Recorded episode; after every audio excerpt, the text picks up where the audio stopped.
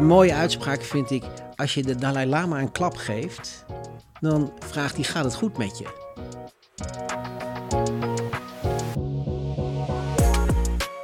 Welkom. Leuk dat je luistert naar Beide Les. Een podcast waarin wij, Annemarie Proost en Eduard van Dam, over onderwijs spreken vanuit onze dagelijkse praktijk op het Cartesius, een school in Amsterdam-West. Onze missie is om onderwijs te maken dat goed en inclusief is. En met deze podcast onderzoeken we welke elementen daarvoor nodig zijn. Vandaag een bijzondere aflevering met iemand die eigenlijk weinig te maken heeft met onderwijs, maar wel een man is met een missie. Arnoud Boudré wil dat elke leerling en elk kind begrijpt hoe conflicten in elkaar zitten. Volgens Arnoud moet je weten wat een conflict eigenlijk is, zodat je ze ook makkelijker kunt oplossen. In het dagelijks leven is Arnoud Boudré advocaat en onderhandelaar als partner bij het advocatenkantoor Walden Green. Hij treedt daar op voor opkomende, maar ook bekende fotografen, kunstenaars, vormgevers, reclamebureaus en architecten. Maar Arnoud is niet alleen advocaat. Zijn boek Think Like a Lawyer, Don't Act Like One biedt strategieën om conflicten te voorkomen of op te lossen.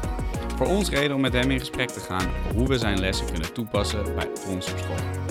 Eerder hadden we het in de podcast al over herstelrecht en jongerenrechtbanken. En vandaag alles over conflict.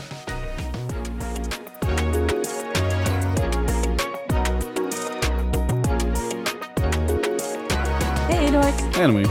We hebben vandaag hebben we Arnoud eh, bij ons, uh, of aan onze tafel. Um, en uh, dat vind ik heel bijzonder, want we hebben elkaar op een uh, eigenlijk een bijzondere manier ontmoet. Misschien straks daar meer over. Maar in de winkel van je vrouw hebben we elkaar ontmoet en kwamen in gesprek over uh, de jongerenrechtbank in eerste instantie, het boek wat je hebt geschreven en vervolgens over conflicten in het algemeen. Uh, later kwamen we in gesprek dat jij zei: eigenlijk heb ik een missie in het leven. Wat is die dan precies voor jou?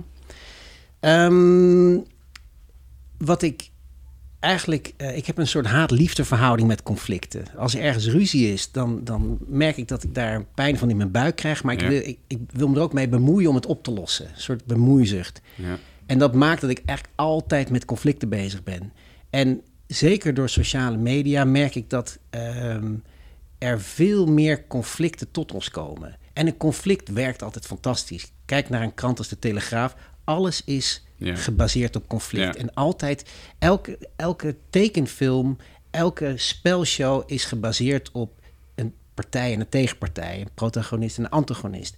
En door die social media merk ik dat mensen steeds meer ehm, conflicten eh, op hun bord gelegd krijgen waar ze eigenlijk helemaal niets mee kunnen, anders dan daar boos over zijn. Ja. En het interessante is, en nu ga ik even een aantal stappen terug. Ik ben 24 jaar advocaat. Ik geloof dat ik de eerste vijf jaar überhaupt niet me realiseerde dat ik in de conflictindustrie werkte. Ja. Toen dacht ik, oké, als ik in de conflictindustrie werkte, wat is dan een conflict? Geen idee. Ben ik het gaan opzoeken? Er is geen goede definitie over te vinden. Zelfs het wereldberoemde boek Getting to Yes, het standaardwerk van Harvard over onderhandelen, ook in conflicten, benoemt niet wat het conflict is. Ik ben vervolgens vijf jaar bezig geweest om definities te, tot een definitie te komen. En dan had ik er een en dacht ik, nee, klopt weer niet. Ging parallellen leggen met de sport, klopte ook niet. Maar uiteindelijk kwam ik erachter dat er situaties zijn waarin de ene heel erg een conflict ervaart en in precies dezelfde situatie de ander totaal niet. Ja. Maar wat maakt nou dat de ene niet een conflict ervaart, waar de ander in dezelfde situatie dat wel ervaart? Nou, er zijn twee hele mooi in mijn optiek iconische fragmenten van bokswedstrijden. Je hebt in een bokswedstrijd heb je de eh, pre-fight Mhm. stare-down, de Ja. psychologische oorlogsvoering. Ja. En dan mag je niet slaan. Ja. Nadat de gong gegaan is, mag je niet niet slaan. Dan moet je slaan. Als je wegrent, word je gedisqualificeerd. Ja. En wat gebeurt er bij die pre-fight stare-down? Dat de favoriet, Herring uit Amerika, ik geloof dat hij 2,20 meter is, die staat daar tegenover Nakao. En het is de finale van K1. En Herring dacht, ik ga die 350.000 dollar mee naar huis nemen. En wat doet Nakao vlak voordat de gong gaat? Hij geeft Herring een klein kusje. En dan is Herring zo boos dat hij een klap geeft. Nakao gaat neer, doet alsof hij knock-out is. Ja. Is hij niet. Herring wordt gedisqualificeerd en Nakao gaat met 350.000 dollar naar huis. Niet veel later heb je ook een K1-gevecht. Een Fransman tegen een Zuid-Afrikaan. Wat gebeurt er? De Fransman geeft een kusje aan de Zuid-Afrikaan. En wat doet de Zuid-Afrikaan? Die draait zijn hoofd en geeft een kusje terug. Ze moeten beide lachen en ze hebben een fantastische match. wat is nou het verschil tussen die ene en die andere bokser? Nou, als je dat weet, namelijk het is het hele simpele fenomeen of aspect verwijt. Op het moment dat iemand verwijt toevoegt aan een situatie waarin iets gebeurt wat hij niet prettig vindt, heb je een conflict. Dus die Zuid-Afrikaan en die Fransman hebben geen conflict. Die moeten erom lachen. Ja. Maar Herring die zegt ook: He kissed me on the lips like a homosexual. I'm not gay. I'm not gay. Ja. De grap is dus dat die Nakao, die weet heel slim met dat conflict te spelen, waardoor Herring uit het lood geslagen wordt. En of dat nou een kusje is, of dat je een duw krijgt in je rug op het schoolplein, het gaat erom dat je uit je evenwicht wordt gebracht. Ja. En het is natuurlijk veel krachtiger om op dat moment je niet uit het evenwicht te laten slaan, Ja. uit het lood te laten slaan. Maar ik hoor daaronder eigenlijk ook gelijk van dat in een samenleving of een schoolgemeenschap die onder druk staat, eh, waar de stress ook hoog kan zijn, dat er eerder verwijt zal of eh, ja, eerder conflict zal eh, ontstaan. Omdat als je gestrest bent, kun je dus ook eh, makkelijker in verwijt terechtkomen. Heel makkelijk en dat kan ik ook. Ja, Maar ik weet wel dat als ik een verwijt heb, en dat was gisteravond aan de keukentafel, dat het toch was, kwam ik erachter, omdat het mij maar niet lukt om dat nieuwe, die omzetting van mijn computersysteem in, onder de vingers te krijgen. Dus het verwijt ontstaat vaak nadat mij iets is overkomen wat onder mijn huid is gaan zitten. Dus, Ja. En als ik onder druk sta, heb ik het natuurlijk veel makkelijker. Maar ik streef er wel naar om te kijken wanneer ik eh, dreig iemand iets te verwijten of wanneer ik het verweten heb. En als ik daar bewust van word, dan weet ik, ah, kennelijk zit er iets bij mij niet goed. Ja, dat herkennen we denk ik als leraren allemaal. Dat als je voor de klas staat en eh nou, er speelt thuis iets, je voelt je niet goed. eh, het slechtste geval is misschien ook wel ooit een keer gebeurd bij iemand. Je hebt een kater. Of ik heb wel eens een keer, werkte ik voor een film, had ik een nacht, eh, heel de nacht gewerkt. En ik dacht, ah joh, ik heb maar twee lesuurtjes, ik ga gewoon even werken. Nou echt, ik heb nog nooit zoveel ruzie gehad met kinderen Nee. als op die dag. Ehm, omdat ik merkte, ik kan, ik kan het niet hebben. Ik kan het niet van me af laten glijden. Al die kleine eh, mini-steekjes die, Ja, die alles kinderen komt wel... binnen dan Alles inderdaad. komt binnen Ja. en, en gewoon de hele dag ruzie. En ja, dat is wel eh, echt wel heel erg opvallend. Dat, eh, ja, dat je gewoon als leraar echt goed in je vel moet zitten. En ook veel ehm, ja, goed over na moet denken van... wat gebeurt er nou bij dit kind? Staat dit kind in overlevingsstand? Waarom reageert hij zo heftig op wat, Ja. het, eh, op wat er hier gebeurt? Eh, je zegt net, hè, al, ehm, in een conflict is er altijd iemand die iemand anders iets verwijt. Hè?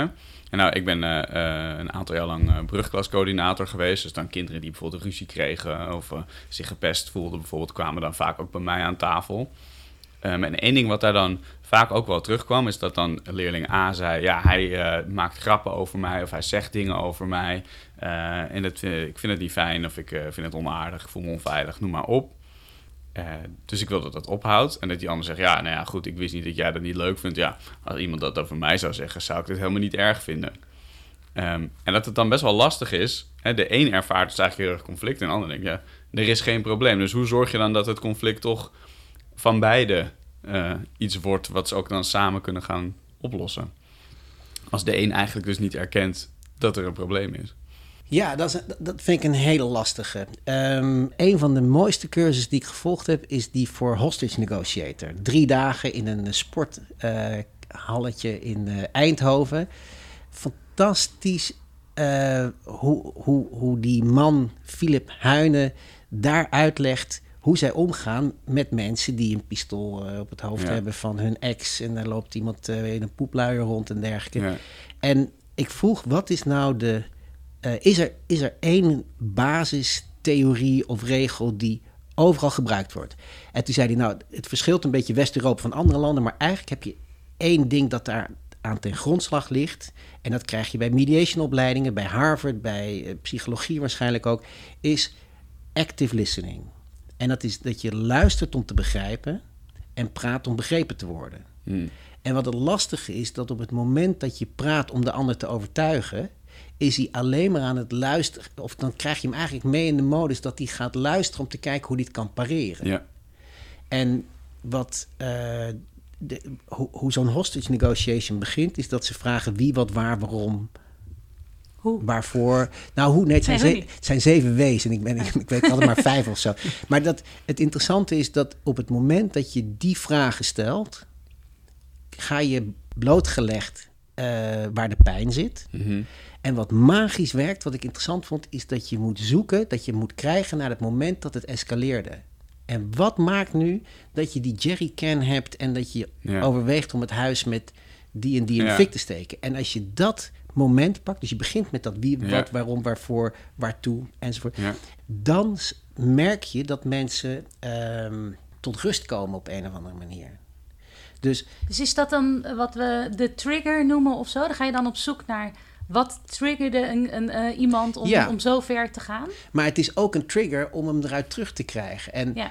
ehm, de, het, het begint ermee dat je luistert om te begrijpen, maar dat je ook eh, iemand in de gelegenheid stelt om al die dingen te benoemen die dan spelen, tot en met dat triggerpunt. En dan is het interessant dat Harvard heeft ooit onderzoek gedaan na Getting to Yes. Dat was een boek over ratio. Hoe zit het dan met emotie? Nou, ik geloof dat ze er 122 in kaart hadden gebracht. Toen hebben ze die emoties terugvertaald naar vijf concerns. En die heeft iedereen. Je eerste concern is dat je gewaardeerd wordt. Appreciation. Ja. Het tweede is affiliation, een band voelen, niet buitengesloten worden. Verbondenheid. Ja. Ja, ja. Ehm, maar ik denk verbondenheid is iets eh, ingewikkelder dan niet buitengesloten worden. Nee, ja, precies. En dit is schoolpleindynamiek. Ja. En dat hebben we ook gewoon bij eh, een groot advocatenkantoor en in de voetbalsetting. nou, dus eh, ik denk dat het begint met die active listening. En als je dan vervolgens in je achterhoofd houdt dat iemand gewaardeerd wil worden. En dat hij daarnaast onderdeel wil worden van de groep, dat hij niet buitengesloten wil worden. Dan zijn dat wel natuurlijk de dingen waar je naartoe kan werken. Ja, ja want dit, Ja, ik her- herken dit heel erg. Hè, dat ehm, eigenlijk in vrijwel alle situaties waarin er inderdaad sprake was van, eh, van pest of conflict, bij mij dan vaak in de brugklas, gaat het natuurlijk ook heel erg over groepsdynamiek eigenlijk. En eigenlijk, eh, een van de dingen die je noemt in je boek is ook ehm eh, benoem het ongezegd, hè, of haal dat boven tafel. En heel vaak was dat inderdaad, degene die misschien over de scheef was gegaan, had zelf eigenlijk de angst bijvoorbeeld om eh, het slachtoffer te worden. Of kwam uit een situatie op de basisschool waarbij die eh, eh, nou ja, nare dingen had meegemaakt. En vaak om dat inderdaad op tafel te krijgen en kinderen ook te laten inzien dat dat de dynamiek is waar ze eigenlijk zich binnen bewegen, dat, ehm, nou, dat, dat kon dan echt heel erg bijdragen aan het ook op wederzijds begrip, maar ook aan er gewoon weer bij elkaar op een goede manier in de klas kunnen zitten. Er is een hele beroemde hostage negotiator, die, die komt dan ergens aan, die wordt ingevlogen. Eh, Gary Neusner, dat is de man die het negotiation project van de FBI is gestart. En het begint met een verhaal dat hij in een hele heftige situatie komt en pistolen en mensen allemaal lijden, weet ik veel wat. En dan zegt hij, hi, how did it get so far? En dat vind ik ook een hele mooie, wat is gebeurd? Ja, Ja. ja. Dus ehm, ehm, je hebt in conflictescalatie heb je fases. Ja. En er is een fase waarbij één of beide de afgrond ingaan. En daar kun je niet meer zelf actie nemen om eruit te komen. Dan moet je iemand in, eh, eh, in laten grijpen. ja. Maar dat is dus heel lastig. Dat als je kijkt naar een schoolpleinruzie, op een gegeven moment kan ik me voorstellen dat de eigen verliezen er niet meer zoveel toe doen als de ander maar verliest. Ja. Ja. En Ja, dat, is heel echt- vaak zo. Ja. Ja. wat, is dan de, wat kan de impact zijn van een eh, conflict? En, en hoe kan je daarmee omgaan als mens? een conflict kan zo heftig zijn. Of dat, je, dat het als een sluier over je dagelijkse leven Ja. ligt. Dat je eigenlijk niet meer met plezier iets anders kan doen. Dat je alleen maar bezig bent. Die cliënten die, bij wie ik dat ervaar, die zeggen: Ik bel je over een jaar. En dan ga ik vragen of het meeviel. En dan zet ik het in mijn agenda. Dan Ja. bel ik na een jaar. En er is nog nooit iemand geweest die zei: Nee, het viel niet mee.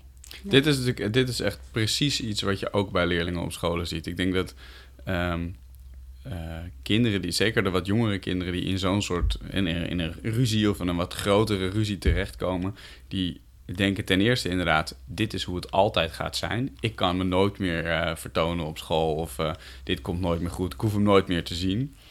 Ehm, en die, die hebben inderdaad heel veel moeite om sowieso te geloven in dat er een oplossing kan zijn, maar ook wel in uh, inderdaad een jaar vooruit zien, het perspectief nemen van oké, nou, het komt ook op een gegeven moment wel weer goed. Nou ja, sterker nog, hoe vaak hebben we wel niet gehad dat uh, uh, nou, meisjes slaande ruzie met elkaar hadden in de tweede om in de vijfde als beste vriendinnen van school af te gaan. Weet je, dat is een mooi. heel iets wat we heel vaak ook gewoon zien, dat, dat, dat daar iets in zit. Ja, en wat ik ook een hele goede vind, die ik zelf hanteer, um, voor, voor, hele verschillende situaties, maar die ik ook cliënten adviseer, is: oké, je hebt ruzie met die en dit en, en dat. Je bent nu 40 als je 55 45 bent, hoe wil je er over vijf jaar op terugkijken? En dat kun je natuurlijk ook in een ruzie doen. Dat je denkt van oké, je zit op school. Je hebt dan behoorlijk wat stress. Je zit in een lastige leeftijd. Je hebt ruzie met iemand. Moet je vrienden met hem worden? Was dat de enige persoon met wie je vrienden had kunnen willen worden? Waarschijnlijk niet. Hoe wil je er over vijf jaar op terugkijken? Nou, dat je niet te veel tijd in die man steekt. Nee. Zonde. Ja.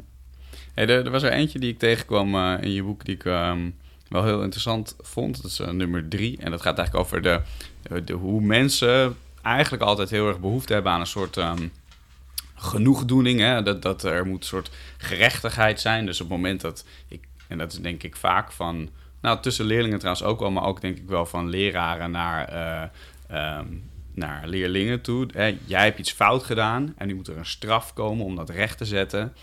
Ehm, terwijl dat vaak natuurlijk helemaal niet per se bijdraagt aan echt het vinden van een oplossing of van een constructieve manier van verder gaan. Dan gaat natuurlijk de hè, verbindend gezag waar we het over hebben gehad, gaat daar ook eigenlijk heel erg over. Hè? Hoe je um, nou ja, af en toe juist terug moet stappen, accepteren dat je het niet altijd meteen een uh, soort van uh, kan oplossen of met lik op stuk beleid dingen kan doen. Um, en ik, ik ben ook wel benieuwd hoe jij dat inderdaad ziet. Hoe je, en hoe je ook voor jezelf dus daar overheen kan stappen. Die, die, ja, die drang die je hebt naar, uh, naar genoegdoening. Ja, misschien moeten we hem nog even concreet maken. Gewoon als je zelf als, uh, als uh, coördinator of als, als docent... er is iets gebeurd en een kind gaat tegen jou zeggen van... nee, ik gooi de, die gum niet naar jou. En je weet gewoon dat hij het wel heeft ja. gedaan. En dan kan je daar helemaal op vastlopen. Hè, met dat kind die zegt, nee, ik heb niet gedaan. en jij denkt gewoon, ik zie jou zie gewoon jou dat naar me gooien. Wat doe je? Hoe, hoe, hoe kan het zover zijn gekomen? Mm. Maar het gewoon daar overheen stappen vond ik zelf best wel moeilijk. Ook wel toch uit een soort... Uh, ja, niet mijn ouders per se, maar toch een protestant milieu. Van een soort gevoel hebben van eerst boete doen ja, en dan dat, pas Dat zit goed heel maken. diep, diep ja. in ons. Ja. ja, en dat, om dat los te laten, gewoon te zeggen... hé, hey, ik, uh, er kwam een gum naar mij toe. Dat vind ik echt een... Ja, kan je, kan je je voorstellen dat het voor mij een hele ongemakkelijke situatie is. Hoe gaan wij dit herstellen? Helemaal niet meer zeggen: jij had die gum gegooid. Dan moet je eerst zeggen: sorry dat ik die gum heb gegooid. Maakt het, nou, het, het, heeft me echt wel wat gekost om daar te komen. Maar sinds ik daar ben, kan ik echt met kinderen herstellen. Want ze willen wel herstellen, maar ze willen niet zeggen: ja, dat heb ik gedaan. En dan. Ja, dat, dat, en dan loop je vast. Ja, als je daar ja. dan te veel op blijft zitten, dan ga je dus wel eens niet dus. Uh, ga je, en dat, ja, dat win je nooit. Um, want dan ga je in de escalatie. Ja, want het verschil wat je doet in de eerste situatie en die tweede, is dat je bij het eerste zegt. Um, of dan, dan. Ik weet niet of ik het goed heb begrepen hoor, maar dat je, dat je eigenlijk nog de mogelijkheid openlaat dat de waarheid in het midden ligt. Dat is een heel mooi voorbeeld van uh, Co uh, James Comey.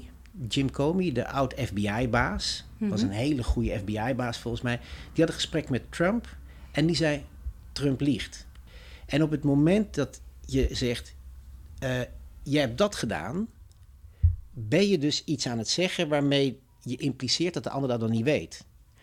Wat Comey had moeten doen, is had moeten zeggen, ik kan niet onder een liegende president FBI-baas zijn. En wat je doet in jouw tweede voorbeeld, is dat je over de vraag stelt of het gebeurd is. Je zegt, dat is uitgangspunt. Ik vind het niet prettig. En dat is ook geweldloos communiceren, dat ken je mm -hmm, denk ik wel. Ja ik uh, ervaar dit, ik vind dat niet prettig en mijn verzoek is om het anders te doen. Ja.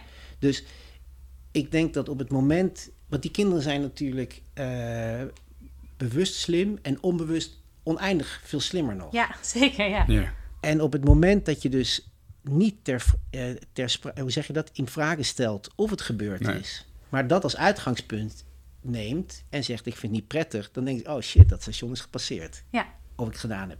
Nou, en dan is het ook in, en dit is strafrecht, hè? Wa- Waar je het over hebt. Je hebt eh, iets gedaan wat niet hoort volgens de regels. Ja. Eh, tenminste, dat, ik heb het gevoel dat We, dit. we hebben ons dat gewoon eh, lesgeven. Maar want wij zijn natuurlijk constant inderdaad... Nee, maar het is wel verantwoording afleggen. Nee, precies. Ja, precies. ja. Ja. Kijk, voor strafrecht moet ik teruggaan naar mijn studie. En ik weet van mijn studie nog dat je verschillende. Je had eh, strafrecht is bijvoorbeeld ter voorkoming van zelf, eigen richting. Dat de maatschappij ziet dat eh, je er niet mee wegkomt. Ja. En er zijn er nog een paar. Ja. Weet je? En dat je, eh, je hebt algemene preventie en je hebt specifiek bijzondere preventie. Dat die persoon het niet meer doet. En ik kan me heel goed voorstellen, en of dat nou protestant is of niet, dat, dat, dat, ik denk dat het gewoon universeel is. Iemand moet wel begrijpen dat hij met bepaald gedrag niet wegkomt, omdat anders de maatschappij explodeert. Ja, dat sommige dingen onacceptabel eh, Ja. zijn. Dat, dat, dat denk ik dat wij dat wel. ehm, maar het neerleggen als dit, was, dit is onacceptabel. Hoe gaan we herstellen? Voor ons eh, op school Ja. is herstelrecht heel belangrijk. Maar ik denk ook dat het vooral gedragspsychologisch dit is, dat je ze een graceful exit geeft. Ja. Dat ze Ja. geen gezichtsverlies lijden, Nee. dat ze moeten En dat erkennen. is voor pubers natuurlijk altijd heel Ja. belangrijk. Ja. Ja. Maar wat vind je ervan dat wij bijvoorbeeld een jongere rechtbank hebben? Wat, eh, Supergoed. Ongelooflijk goed. En waarom? Omdat, eh, om, om, op een heleboel manieren. En ik denk dat als je kijkt naar die, die redenen die, die, die het strafrecht heeft, is dat iemand toch ziet van iemand wordt tot verantwoording geroepen. Ehm, de kans wordt verkleind dat het nog een keer gebeurt. En ehm, ik lees dan zijdelings wel wat dingen over eh, het recht van slachtoffers om te spreken. Dat is natuurlijk iets van, nou, ik geloof laatste twintig jaar of zo. Dat je als slachtoffer ook kunt uitleggen wat het jou gedaan heeft. En dat is zo belangrijk dat iemand daardoor ook inzicht kan krijgen. Oh, eigenlijk helemaal niet doorgehad dat dit zo'n effect had op die persoon. Ja. Dus ik, ik vind het, en ik denk dat je ook heel goed eh, leerlingen op jonge leeftijd er al van bewust maakt dat eh, er een systeem geldt op een eh, vrij onschuldig niveau, waarmee ze dan leren hoe dingen werken als het misgaat. Het is Ja. Een soort waarschuwing, denk ik ook, van nu is het nog op school. Maar op het moment dat je naar een, een, een, buitenschool iets doet wat strafrechtelijk echt niet mag, dan loop je het risico om volgens een soortgelijk systeem, het echte, hoe zeg je dat? Het, Ja. het, het maatschappijsysteem op zo'n manier uiteindelijk ergens terecht te komen. Ja, en ik denk, wa- waarvan ik ook nog heel erg denk, is dat de jongere rechters eh, ook zoveel zullen hebben aan, het, eh, aan jouw eh, boek. Morgen ga jij iets aan hen vertellen. Maar ook van, dat zij leren van, dat, dat het eigenlijk hogere communicatievaardigheden zijn. Dus als je als jongere rechter een paar jaar hier op school conflicten hebt opgelost, mee hebt geholpen aan herstel. Ja, volgens mij neem je dan heel veel mee naar je ja, vervolgopleidingen. Ja. Daar hopen wij Nou, in ieder geval op. Kijk, wat ik ook een interessant vind, is een mooie uitspraak vind ik, als je de Dalai Lama een klap geeft, dan vraagt hij, gaat het goed met je? En als ik net de lotto heb gewonnen en eh, ik, ik, alles, ik heb al het geluk van de wereld, ja, dan kan iemand mij afsnijden in het verkeer. Het maakt allemaal niet uit. Dat ik denk, prima, snijd jij me af. eh, bezorg me geen schade, want ik wil graag door, want ik wil genieten van mijn leven. Dus als je lekker in je vel zit, dan ga je niet mopperen over iemand die je aanstoot. En ik denk ook dat als ik op het schoolplein, als ik mag kiezen tussen iemand op het schoolplein die eh, aangestoten wordt en dan heel erg eh, de noodzaak voelt om te reageren, of iemand die denkt, jij weten, ik, ik ga ondertussen door met mijn ding, kies ik voor de laatste. Ja. Dus het is ook een soort zwaktebod Ja. om zo heftig te reageren op situaties. Dit is, of het nou een onzekerheid is of een angst dat je, dat Of- je niet serieus genomen wordt. Nou, ik denk ook wel dat veel kinderen die in een eh, vrij eh, masculine straatcultuur zijn, die, ze- die hebben het idee, ik moet bijten, want anders Ja. dan lopen ze over me heen. En dat, ja, daar zit natuurlijk heel veel stress op. Als je de hele Ja. dag door een school of door de maatschappij loopt met het idee, ik laat niet over mij heen lopen. Ja. Nooit. En dus ook alles vanuit die bril bekijkt. Hè. Alles is een potentieel soort aanval op je status. En als je dat laat welgevallen, ja, dan ben je straks eh, de spreekwoordelijke lul. Nee, dan ben je bang dat je de spreekwoordelijke lul bent. Ja. Dat is denk Ja. ik de grap. Dat is een hele mooie film die ik... eh dan moet je natuurlijk zelfvertrouwen hebben. Maar op het moment dat je de rust hebt om niet te reageren... en te denken, nou, als jij me wil aanstoten, go for it. Ja, ik denk dat mensen dan ehm, ook minder snel dat doen. Degene die zich als slachtoffer opstelt... en dat kan ook zijn door heel boos te worden... Ja. die, die, daar, daar heb je Ja. effect. Iemand die je een zij prikt en zegt, wat doe je nou?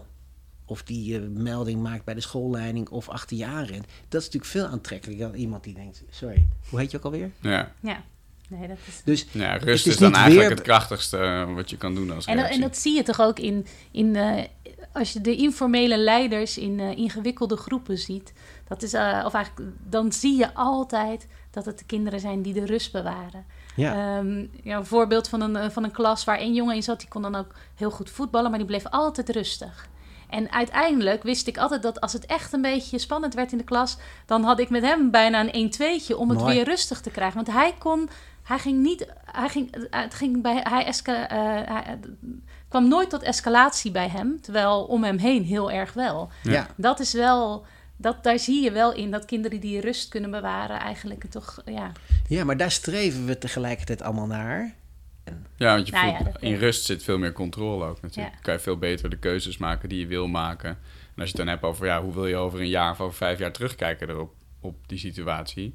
Dan zal je denk ik altijd tevredener zijn met jezelf als je kan terugkijken dat je vanuit rust bepaalde keuzes gemaakt hebt. Ja, maar ik denk, ja, daar ben ik helemaal mee eens. En ik denk ook als docent een paar keer in mijn carrière dat ik echt boos ben geworden op een leerling. Die weet ik allemaal nog en ik schaam me er gewoon een beetje over. Ja. Oh, Omdat ik, ja, normaal zet je gewoon je professionaliteit in. En als een kind iets doet wat jou echt triggert en dat je dan echt boos wordt, ja, dat is echt wel. Maar misschien is dit ook wel een aardige, want ik denk inderdaad wat je zegt, we willen allemaal graag rustig blijven. Tegelijkertijd weet denk ik iedereen die eh, meer dan een dag voor de klas heeft gestaan, weet ook dat dat soms heel moeilijk kan zijn. En ik, ik heb heel veel bewondering voor leraren hoor. Het is mij nooit gelukt en eh, misschien ga ik het ooit proberen, maar ik vind het heel knap. Want dat lijkt me heel lastig met zoveel leerlingen. Ehm, maar als ik het bekijk op een, een, een, een 1-2 niveau, hoe zeg je dat? Twee, twee personen, dan kunnen mensen ook een soort negatief egocentrisme hebben door het conflict op zichzelf te betrekken. Mhm. Ja. Daarmee aandacht te trekken of wat dan ook. Hey, zijn er dan, eh, kun jij nog eh, eh, nou, drie dingen noemen waar eigenlijk elke eh, leraar die dus de hele dag in een situatie, eh, situatie ten opzichte van eh, anderen zich moet verhouden? Misschien ook wel ouders met pubers. Kan ook, zeker. Nou, maar zijn er specifieke communica- communicatieve vaardigheden waarvan je zegt, die zijn eigenlijk essentieel voor iedereen? We hebben het nu even over leraren, maar voor, eh, voor iedereen die in contact is met andere mensen. Ik denk dat we natuurlijk al een paar besproken hebben. Ehm, wat, ik, wat ik een hele interessante vind, is de, de, de woorden die je gebruikt. Als je begint met jij, denkt de ander, hop, mooi niet. Nee. En als je begint met ik begrijp het niet, of eh, ik heb een vraag, eh, of wij, dat werkt veel beter dan jij, jullie, u. Eh, dus dat vind ik een belangrijke. Wat ik ook een belangrijke vind, is eerste les die je eh, krijgt als je naar Harvard gaat, is tel tot tien en vraag je af waarom, waarom raakt het je? Ja. En dat, dat is natuurlijk een hele goeie.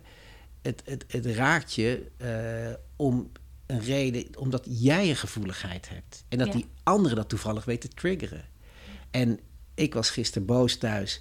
En toen dacht ik, ja, oké, ik, heb een- ik heb twee dochters van 14. Die zitten natuurlijk in een bepaalde leeftijd dat best wel veel dingen lastig zijn. En toen dacht ik, oh ja, nou, dat gaat ook dus over. En dat niet op jezelf betrekken, dat vind ik een van de beste, maar ook een van de lastigste Ja. manieren.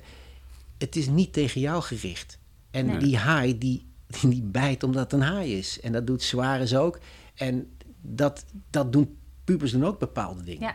ja, wij noemen dat in het verbindend gezag, zeggen we altijd, smeet het eh, ijzer als het koud is. Oh ja, mooi. En dat is een, een nou dat, dat, dat Ja. is zo, het lucht al zo op Ja. als je zegt, Ja. vandaag gaan wij er niet uitkomen. Ja. Morgen om half drie hebben we een afspraak en dan gaan we het erover hebben. Heel mooi. Ja. Dan neem je de controle terug. Ja. Je kan zelf even rustig worden en je kan er ook beide over nadenken. En dat werkt zoveel beter dan als je de escalatie aangaat. Want ja, Dan, dan wordt het gewoon recht, het recht van de meest onredelijke.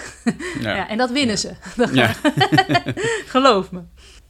Ja, en ik denk dat ehm, een hele belangrijke in heel veel onderhandelingen is toch die koninklijke aftocht. En dat, wat jij al doet, is dat je zegt van ik vind het niet fijn. En dat is dan weer dat eh, geweldloos communiceren. Maar ik ben eigenlijk in elke zaak ben ik bezig. Hoe kan ik iemand laten doen wat ik eh, redelijk vind en vraag.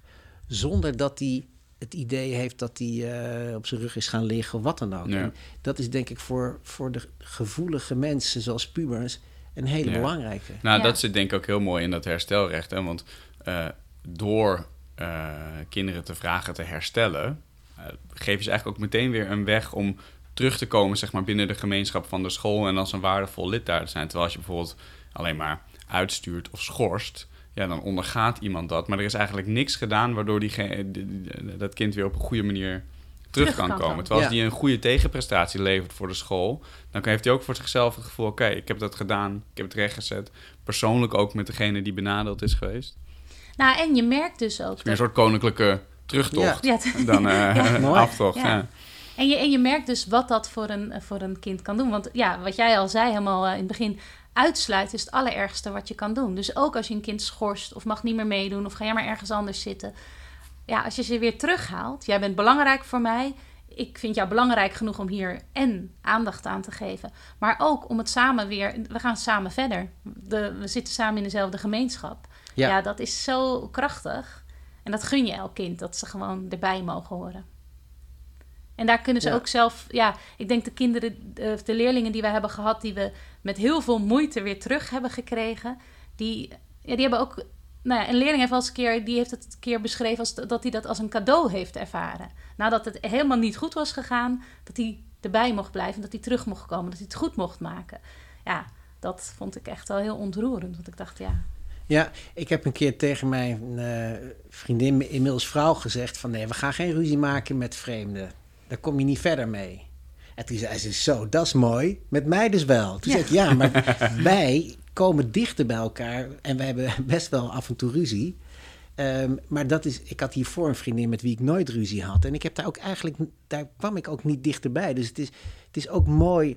Ik merk ook als ik een, bijvoorbeeld een boekhouder, dat ik een keer ruzie heb gehad, of een garagehouder, als ik dan een keer ruzie heb gehad en je hebt besloten om weer bij elkaar te gaan, dan je, oké, weet je, we hebben nu een gedeelde basis, of ik weet niet hoe je dat moet noemen, dus ik kan me dat heel goed Ja. voorstellen. dat dat, eh, En ja. die van jou, die ga ik stelen, die koninklijke terugtocht. Dat Die vind ik, dan eh, kom ik voor het auteursrecht kom ik bij je uit natuurlijk. Dat snap je. krijgt een royalty. ja.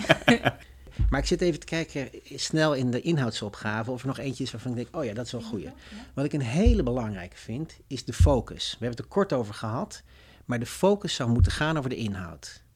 Als mensen zich niet zo prettig voelen bij de inhoud, zijn ze geneigd om heel snel te vallen over gedrag, over de vorm. Hoezo schakel je een advocaat in? Of kun je dat niet anders zeggen? Waarom nu? Een stap verder, eigenlijk een soort afglijden, is dat ze het over de man hebben. Jij eh, bent onbetrouwbaar. Kijk naar politici, bepaalde politici in Amerika, die disqualificeren of die kwalificeren mensen. Hebben het niet over de inhoud.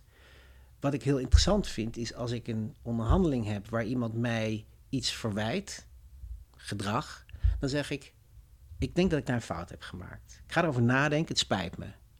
Wat vind je van die 100 euro? Dus wat een belangrijke eh, tool is, tip vind ik het niet echt, maar belangrijk om te- bewust te zijn van wat de focus is. Ja. ja, Waar gaat het nou eigenlijk over in het Ja. gesprek? Ja. En ik bied heel vaak mijn excuus aan, weet je. Ik heb geadviseerd om een advocatenbrief te sturen. Als, je, als dat verkeerd geval is, heb ik het verkeerd gedaan. Wat vind je van die 100 euro? Ja. Nou, dat is wel een, eh, een, een belangrijke, denk ik. Die, eh, waar we 100 veel euro. mee kunnen. Die 100 euro. Eindelijk een keer 100 euro. Ja. Ja, Ik heb er nog eentje. nog eentje. Die staat er niet in, maar die heb ik eh, in Amerika ook voor het eerst gehoord. En dat is, je hebt tit voor tat, oog om oog, tand Mhm. voor tand, tand om tand. En in Amerika zeggen ze tit voor double tat. En dat je zegt, je bent nu te laat gekomen. Ik zie het nu door de vingers, maar als het nog een keer gebeurt, dan komt er een maatregel of wat dan ook. Ja. Maatregel, moet je ouders zelf bepalen hoe ze het noemen. Maar dan geef je iemand ook de ruimte om te Ja. herstellen. Ja, En dat, dat vind ik wel een goeie van, oké, weet je, Ik zie Dit is natuurlijk iets wat binnen het spelgevoel van leraren denk ik ook inderdaad heel Constant. veel eh, eh, constant gebeurt. Omdat je ook, dat is natuurlijk ook anders inderdaad denk ik in jouw werkveld als in dat van ons. Wij hebben natuurlijk uiteindelijk altijd eh, de relatie met de leerling, die blijft. Ja, wat je daar ook verder in doet, als je een klas les geeft, dan heb je altijd, ook als je op maandagochtend inderdaad het conflict hebt over te laat komen, eh, dinsdag het kind weer in de klas. Dus je moet altijd met elkaar verder. Dus je hebt ook een soort noodzaak om die relatie altijd te laten meewegen in, eh, in alles wat je doet. Hè. In die zin is het heel anders. Ik kan niet zeggen, nou kijk, ik heb, ik heb het te laat briefje, hè. ik heb die 100 euro en nu is het klaar, zeg maar.